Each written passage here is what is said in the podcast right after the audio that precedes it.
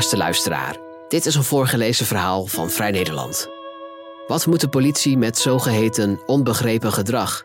Joran Valken liep mee met twee agenten in Amsterdam Zuidoost, waar de politie vaak moet opereren in het grijze tussengebied waar het systeem geen oog voor heeft.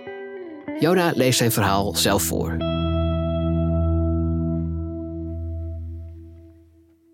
In de verte klinken de sirenes van versterking al.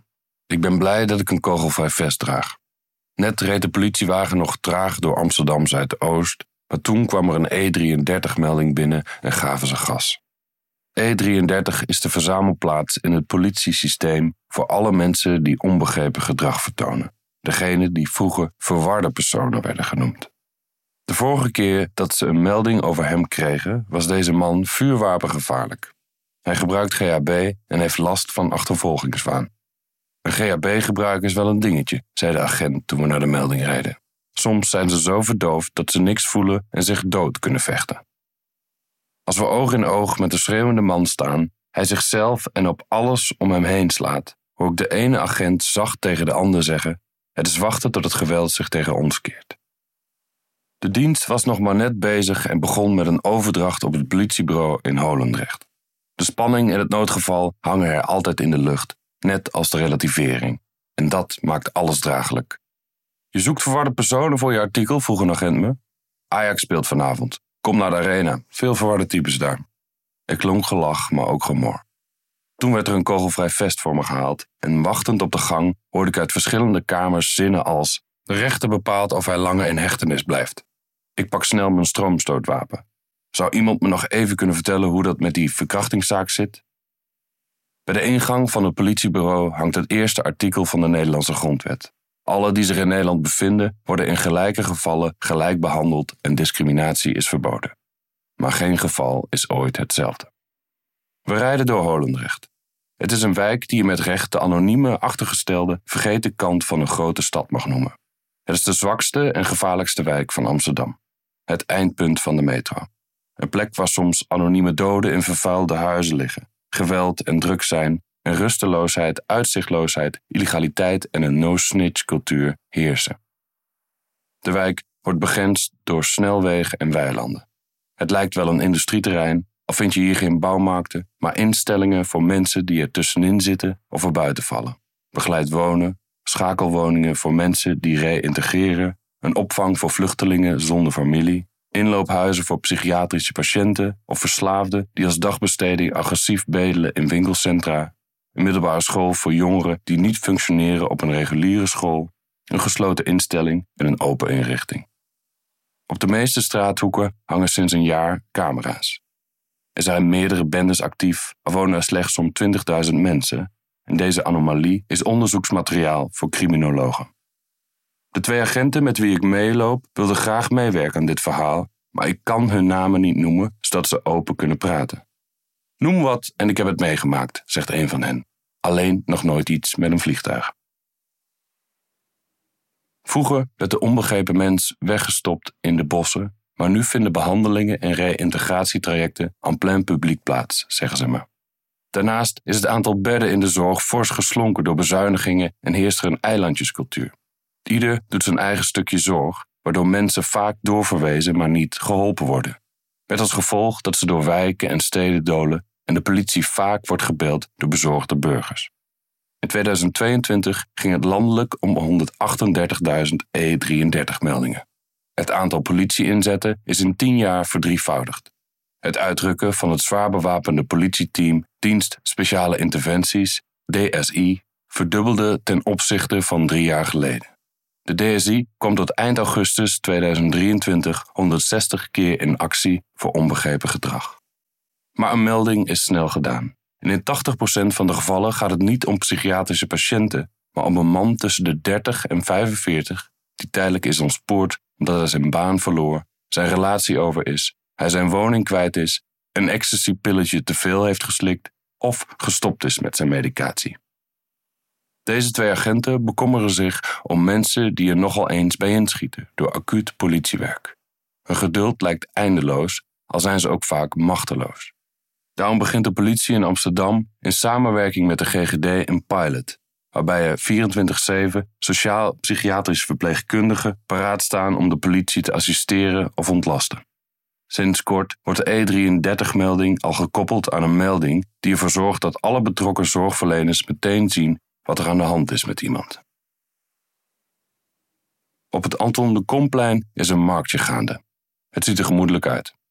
De agenten met wie ik op pad ben werken al 30 jaar in de Belma. Een agent zegt: De buurt is opgeknapt, het gevoel van veiligheid groter, maar de dingen die gebeuren zijn nog altijd ghetto. Toch zijn ze verliefd op dit stadsdeel. Mensen zeggen hier gedag over als eten en muziek. In Amsterdam West is het veel moeilijker om contact te krijgen. We rijden een wijk in met sociale huurhuizen en het is opvallend hoeveel dure auto's er staan. Er schiet een rad weg, op een straathoek is een pakket kranten gedumpt en de verregende brei geworden. Een huizenblok is al gerenoveerd, de gevels kijken je vriendelijker aan, de portiekjes zijn minder donker, maar de straat is leeg en de mensen en hun problemen zitten binnen. We bezoeken een man die niets weggooit. Hij zit op een stoel, slaapt in een bruin uitgeslagen bed en beweegt zich via geitenpaardjes door het huis. Hij schrikt niet van onze komst, zoals niemand dat vandaag zal doen. De winst van lang in een wijk werken, want agenten zijn er ook als er niets aan de hand is. Of ze even in een opslaghok mogen kijken, waar iemand illegaal verblijft. Tuurlijk, kijk maar, zegt de man. De bewoner is er niet, al brandt er nog wel een lampje. Er staan flessen vol urine, er hangt wc-papier, er zijn zwermen fruitvliegjes, stapels papieren, kleren, boeken, speelgoed, videobanden, foto's. Er zit nog wel enige orde in, zegt een van de agenten. Een agent knijpt wat desinfectiegel in mijn handen als we buiten staan.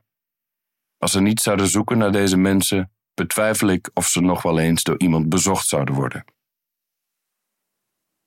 Gisteren meldde zich een man bij het politiebureau.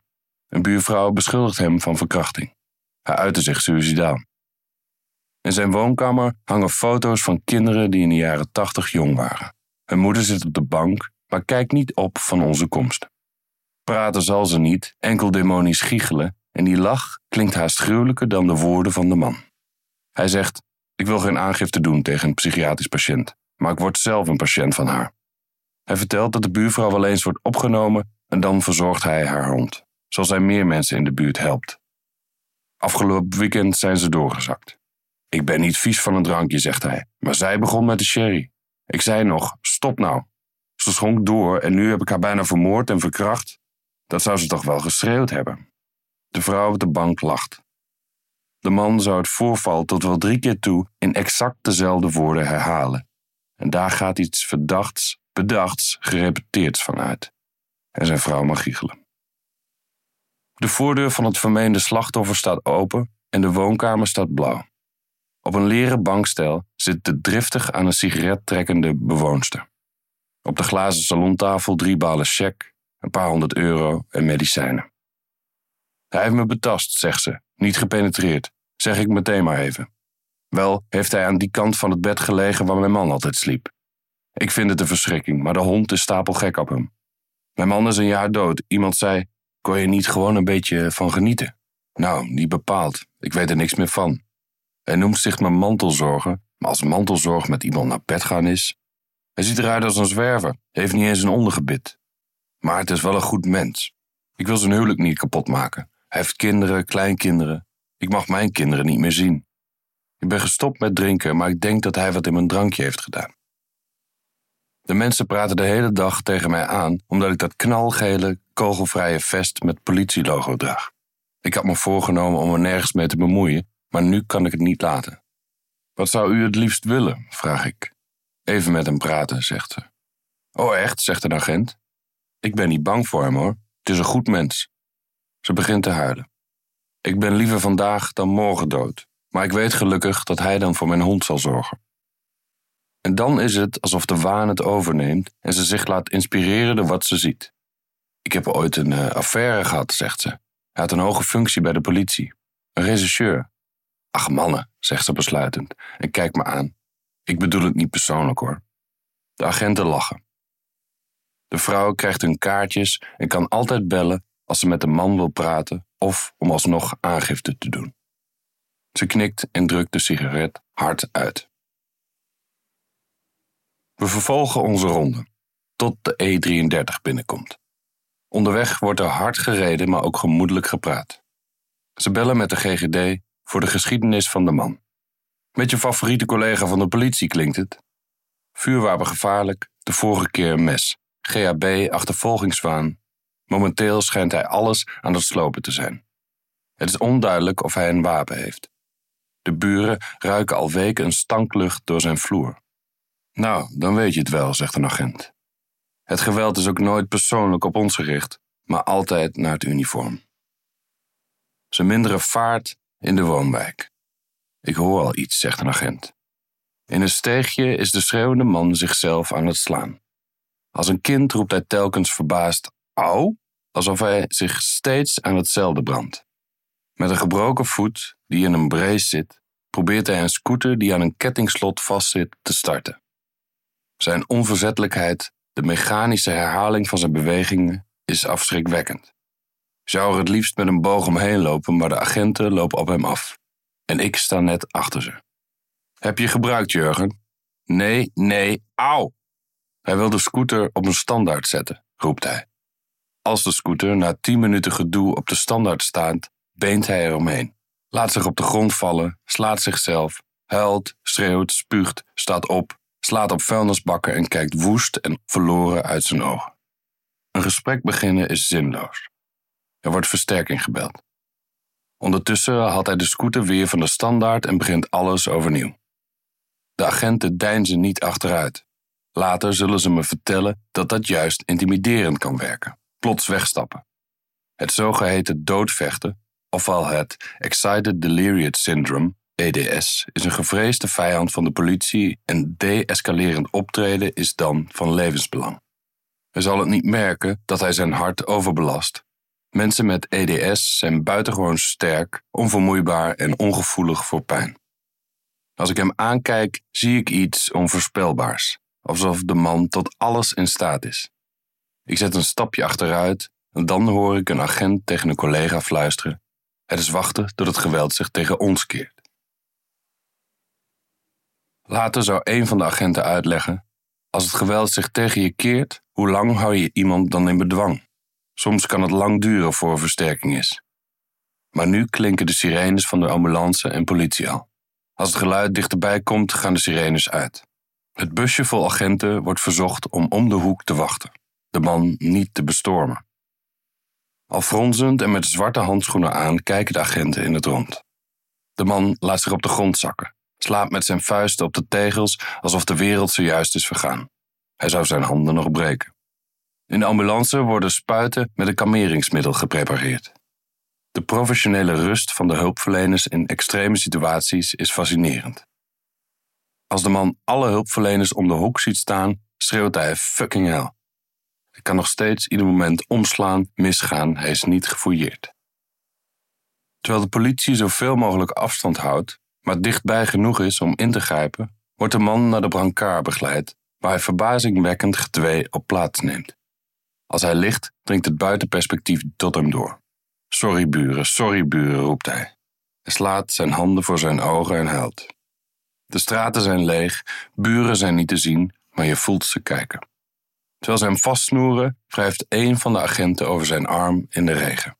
Een andere agent vraagt: Mag ik je even fouilleren, vriend? Snel gaat er een eerste injectie in. Het lijkt alsof het middel hem activeert. Waarom doen jullie dit? Dit is toch niet nodig, godverdomme? Ze proberen hem in de boeien te slaan, maar hij wordt kwaarder, verdraait de boeien, doet zichzelf pijn en dan schreeuwt hij 26 keer: Dit was niet nodig. Hij roept het in prachtig Nederlands, als een gedicht, een mantra. Hij weet zich los te maken uit hun greep, schopt met zijn gebroken been een deuk in de ambulance. Er moeten drie agenten op hem gaan zitten. Droog, zegt een agent. Geven hem zo nog een ampulletje. Als er een nieuwsgierige buurtbewoner opduikt, gaat deze agent meteen in zijn zicht staan. Als je dit filmt, zegt hij, zonder context, lijkt het alsof we die man om zeep helpen. Terwijl ze met precies het tegenovergestelde bezig zijn. Voorkomen dat hij zich doodvecht. De ambulancedeur gaat dicht met drie agenten en twee ambulancebroeders bovenop hem. Het geluid sterft weg. Een achtergebleven agent gaat het huis van de man in om te kijken of er geen pannetje op het vuur staat en ik blijf alleen achter. Uit alle hoeken en gaten komen buren tevoorschijn. Meneer, wat kunnen we hier tegen doen? Mijn dochter zit soms alleen thuis, dan ziet ze hem en is ze doodsbang. Ergens vind ik het ook zielig, zegt ze. Hij moet ook ergens wonen. Mijn vriend zag hem laatst nog met een brommerhelm bij de bushalte. Bellen, bellen, bellen, zegt een agent. Dat is eigenlijk het enige wat jullie kunnen doen. Dan wordt er een dossier opgebouwd. We rijden naar het ziekenhuis. De kalme reactie van de buurtbewoners verraste me. Na twee jaar wordt het erger, zegt de agent. Maar op de meest onverwachte momenten zijn mensen geduldig. Terwijl ze onbeschoft kunnen zijn na bijvoorbeeld een dodelijk ongeluk. Dan ga je naar ze toe, leg je uit wat er gaande is, ze even moeten wachten en dan beginnen ze te schelden. Het was trouwens best tricky. We wisten niet of deze man gewapend was. We lopen het ziekenhuis in. Iedereen kijkt je aan als je een uniform draagt. De man is al uit handen van de politie en overgedragen aan de artsen. Er wordt nagepraat op de parkeerplaats. De agenten zijn bezweet en moe. De een denkt dat hij voor langere tijd zal worden opgenomen. Een ander denkt dat hij gewoon weer naar huis mag als hij weer clean en kalm is.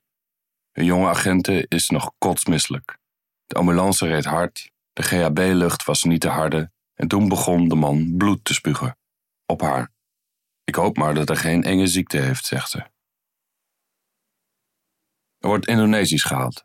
De portofoons worden wat zachter gezet tijdens het eten, maar ze verstaan elke melding, terwijl ik alleen gruizig gebrabbel hoor. Ze eten snel en vertellen over de mensen in deze buurt die ze al jaren kennen, alsof het jeugdvrienden zijn. Het is donker en dat dicteert een ander werktempo. Het lijkt alsof s'avonds alleen nog de problemen zichtbaar zijn. Iemand die zijn hond uitlaat is een zeldzaamheid hier. Misschien is het ook het vertekende beeld dat het meelopen met de politie geeft. De politieradio als enige aanvoer van informatie en wegwijzen, van incident naar incident, avond naar ochtend, tot het einde der tijden. Het eerste bezoekje is bij een vrouw die als kind is mishandeld en verwaarloosd. Ze heeft last van haar onderburen, maar vanavond is er niks te horen. De vrouw praat sneller dan de meeste mensen denken. Ze heeft een grote hond die driftig kwispelt. In een paar minuten vertelt ze over jonge idioten in de wijk die oude mensen bedreigen. Ze tipt een nieuwe dealer waar ze zelf ook koopt, iemand die Viagra-pillen verkoopt in het bejaardenhuis. Moet hij weten, zegt ze, maar sommige mensen hebben hartkwalen. En dan komen de bijnamen voor al haar buren langs: schuiftrompet, schuiftrombone, terrorist en kotzak. Ze is voor de duivel niet meer bang. Het is een vrouw die altijd alleen is geweest, gehard is door de straat, maar er niet onvriendelijk van werd. Jullie denken zeker dat ik een gekkie ben, zegt ze. Helemaal niet. Oké, gelukkig, lacht ze. Laat je niet fucken, hè, vanavond. Tot ziens. Dan komt er een melding binnen over een gezin waar vaak huiselijk geweld is. Het appartement op de bovenste verdieping van een flat zijn al vier agenten en twee ambulancebroeders. Een kleuter zit voor een grote tv. Een meisje van een jaar of dertien is aan het vegen, alsof ze zich schaamt voor de verloedering en het schoonmaken iets is waar ze nog wel invloed op heeft. De meisjes zijn niet onder de indruk van de agenten en ook daar tekent de tragiek zich scherp af. Hier kwamen al veel hulpverleners langs. Het jongste meisje vraagt aan een agente of hij haar vlechten goed kan doen. De autoriteit die een uniform brengt, wordt broos als de agent door de knieën gaat. De vader in dit gezin is al jaren gewelddadig en verward. De moeder epileptisch. Het verstandelijk niveau van beide laag. Vanavond viel de moeder flauw en belde de oudste dochter de ambulance. Heel goed gedaan, en ze krijgt een high five. Heb ik ook wel eens voor papa gedaan, zegt ze trots. In de achterste kamer van het huis ligt de moeder op bed, zonder te weten wat voor of achter is. Wachtend op de agenten op de gang wordt het incident eerder die avond van de man en zijn scooter als anekdote gereproduceerd. Zo zie je ze steeds vaker hoor. Elke dag eigenlijk. De moeder wordt de trap afgedragen. Het meisje met de bezem kijkt haar na in het trappenhuis. Mam, je lijkt wel een koningin. Doei, mam. Het galmt, maar een reactie komt er alleen in de vorm van gekreun. Het kind loopt naar binnen en een agent zegt: Dit is eigenlijk wat je het meeste ziet. Mensen die tussen wal en schip vallen. Onzichtbaar zijn tot het misgaat. Er zijn in dit gezin al drie kinderen uit huis geplaatst. Maar dan komen er gewoon nieuwe kinderen. Als iemand echt doordraait, is er van alles mogelijk. Zoals je zag vandaag. Maar hier? Vaak gaat het een tijdje goed en dan gaat het helemaal verkeerd. Veel kun je ook niet als agent. Het is wachten op andere hulpverleners. Ik loop door het huis. Overal klinken de portofoons. Vele kamers zijn leeg. Kamers van uit huis geplaatste kinderen waar alleen wat lompen, rommel en stof is overgebleven. Op de tafel in de woonkamer staat een bordje boerenkool, waarvan de jus al lang gestold is. In de keuken een vergeten kattenbak. Naast de televisie een teddybeertje die ze van de politie hebben gekregen. Het beertje draagt een politieshirt. De oudste dochter kijkt uit het raam naar de ambulance en zegt: Mama heeft aan mijn haar getrokken. Ik heb pijn aan mijn hoofd. Dan stapt er hijgend een man het appartement in. De oudste dochter zegt met haar handen op de rug als een ober: Wat wilt u drinken? Cola? Water. Met ijs? Ik zal kijken of er nog ijs is. Een agent vraagt: Kunnen we met een gerust hart weg nu u er bent? Ja, jullie kunnen gaan, zegt de man. Ze willen zijn naam weten, maar die geeft hij niet. We hebben ook een kat, maar die zie je nu niet, zegt het kleinste meisje. Omdat de politie er is, zegt de man. Hij wil zijn naam niet geven en de sfeer wordt ongemakkelijk. Ik ben er toch, spuugt hij. Verder wil ik geen probleem, oké?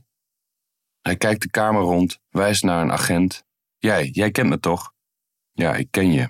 Nou goed, dan gaan we maar. De voordeur slaat dicht. Op de trap zegt de agent: Ik ken hem ja.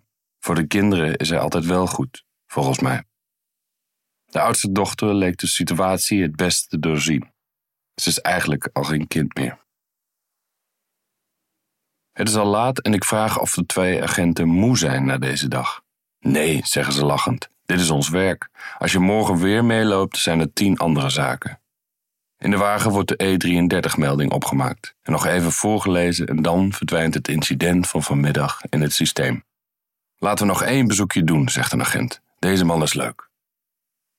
Het duurt lang voor hij zijn deur opent. Hij draagt een badjas, wrijft de slaap uit zijn ogen, kijkt me vrolijk aan en zegt: Je lag zo lekker te slapen. Volgens mij slaap je bijna altijd. Dat klopt, ik heb eigenlijk al door een dip of ik voel me heel goed. Morgen sta ik misschien weer te springen. Het is een oude heer die ooit deftig was. Hij praat nog met een charmante, bekakte stem, als een acteur. Zijn huis is pas geschilderd door het buurteam, maar plafond zijn ze vergeten en is nog geel van de sigarenrook. Ik hou van minimaal, zegt hij tegen mij. Hij heeft een tafel, twee tuinstoelen, een fles wijn en een tv. In de slaapkamer ligt alleen een matras op de grond. Zijn huis is zo leeg omdat hij denkt snel begeleid te moeten gaan wonen. Hij kijkt me wulps aan als een agent begint over het weggooien van zijn platencollectie. Ik ben eigenlijk een oude homo, maar ik was zo verliefd op zangeres Greetje Kouwveld. Ze leeft nog, maar ik ben bang haar erg te gaan missen ooit. Dus ik heb alle platen alvast weggegooid. Ben je eenzaam? vraagt de agent. Nou ja, soms. Als ik onder de mensen wil zijn, dan zet ik de tv aan. Neem je medicijnen wel? Al een week niet. Moet ik het doen? vraagt hij mij. We kunnen ook stemmen, oppert een agent. Oké, oké, moppert hij. Pak even de appelmoes, anders krijg ik ze niet weg. Eén voor één neemt hij de pillen. Ik doe het lekker langzaam, anders zijn jullie weer weg.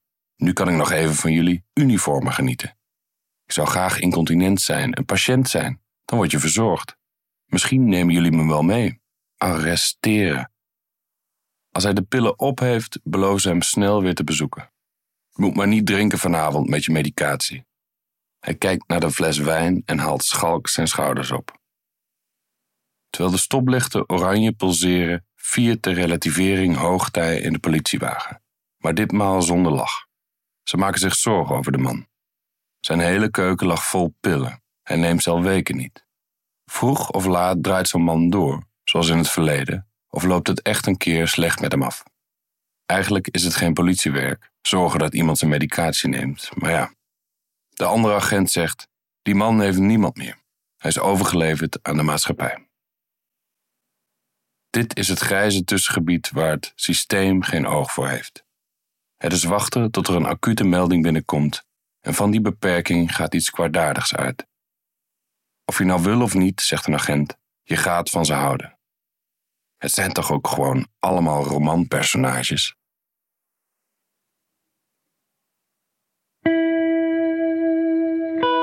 Wil je meer verhalen van ons lezen of beluisteren? Kijk dan op vn.nl of abonneer je op Vrij Nederland in je podcast-app.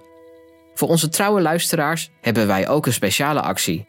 Een half jaar Vrij Nederland online voor maar 15 euro. Kijk voor de aanbieding en de voorwaarden op vn.nl/slash podcast. Bedankt voor het luisteren.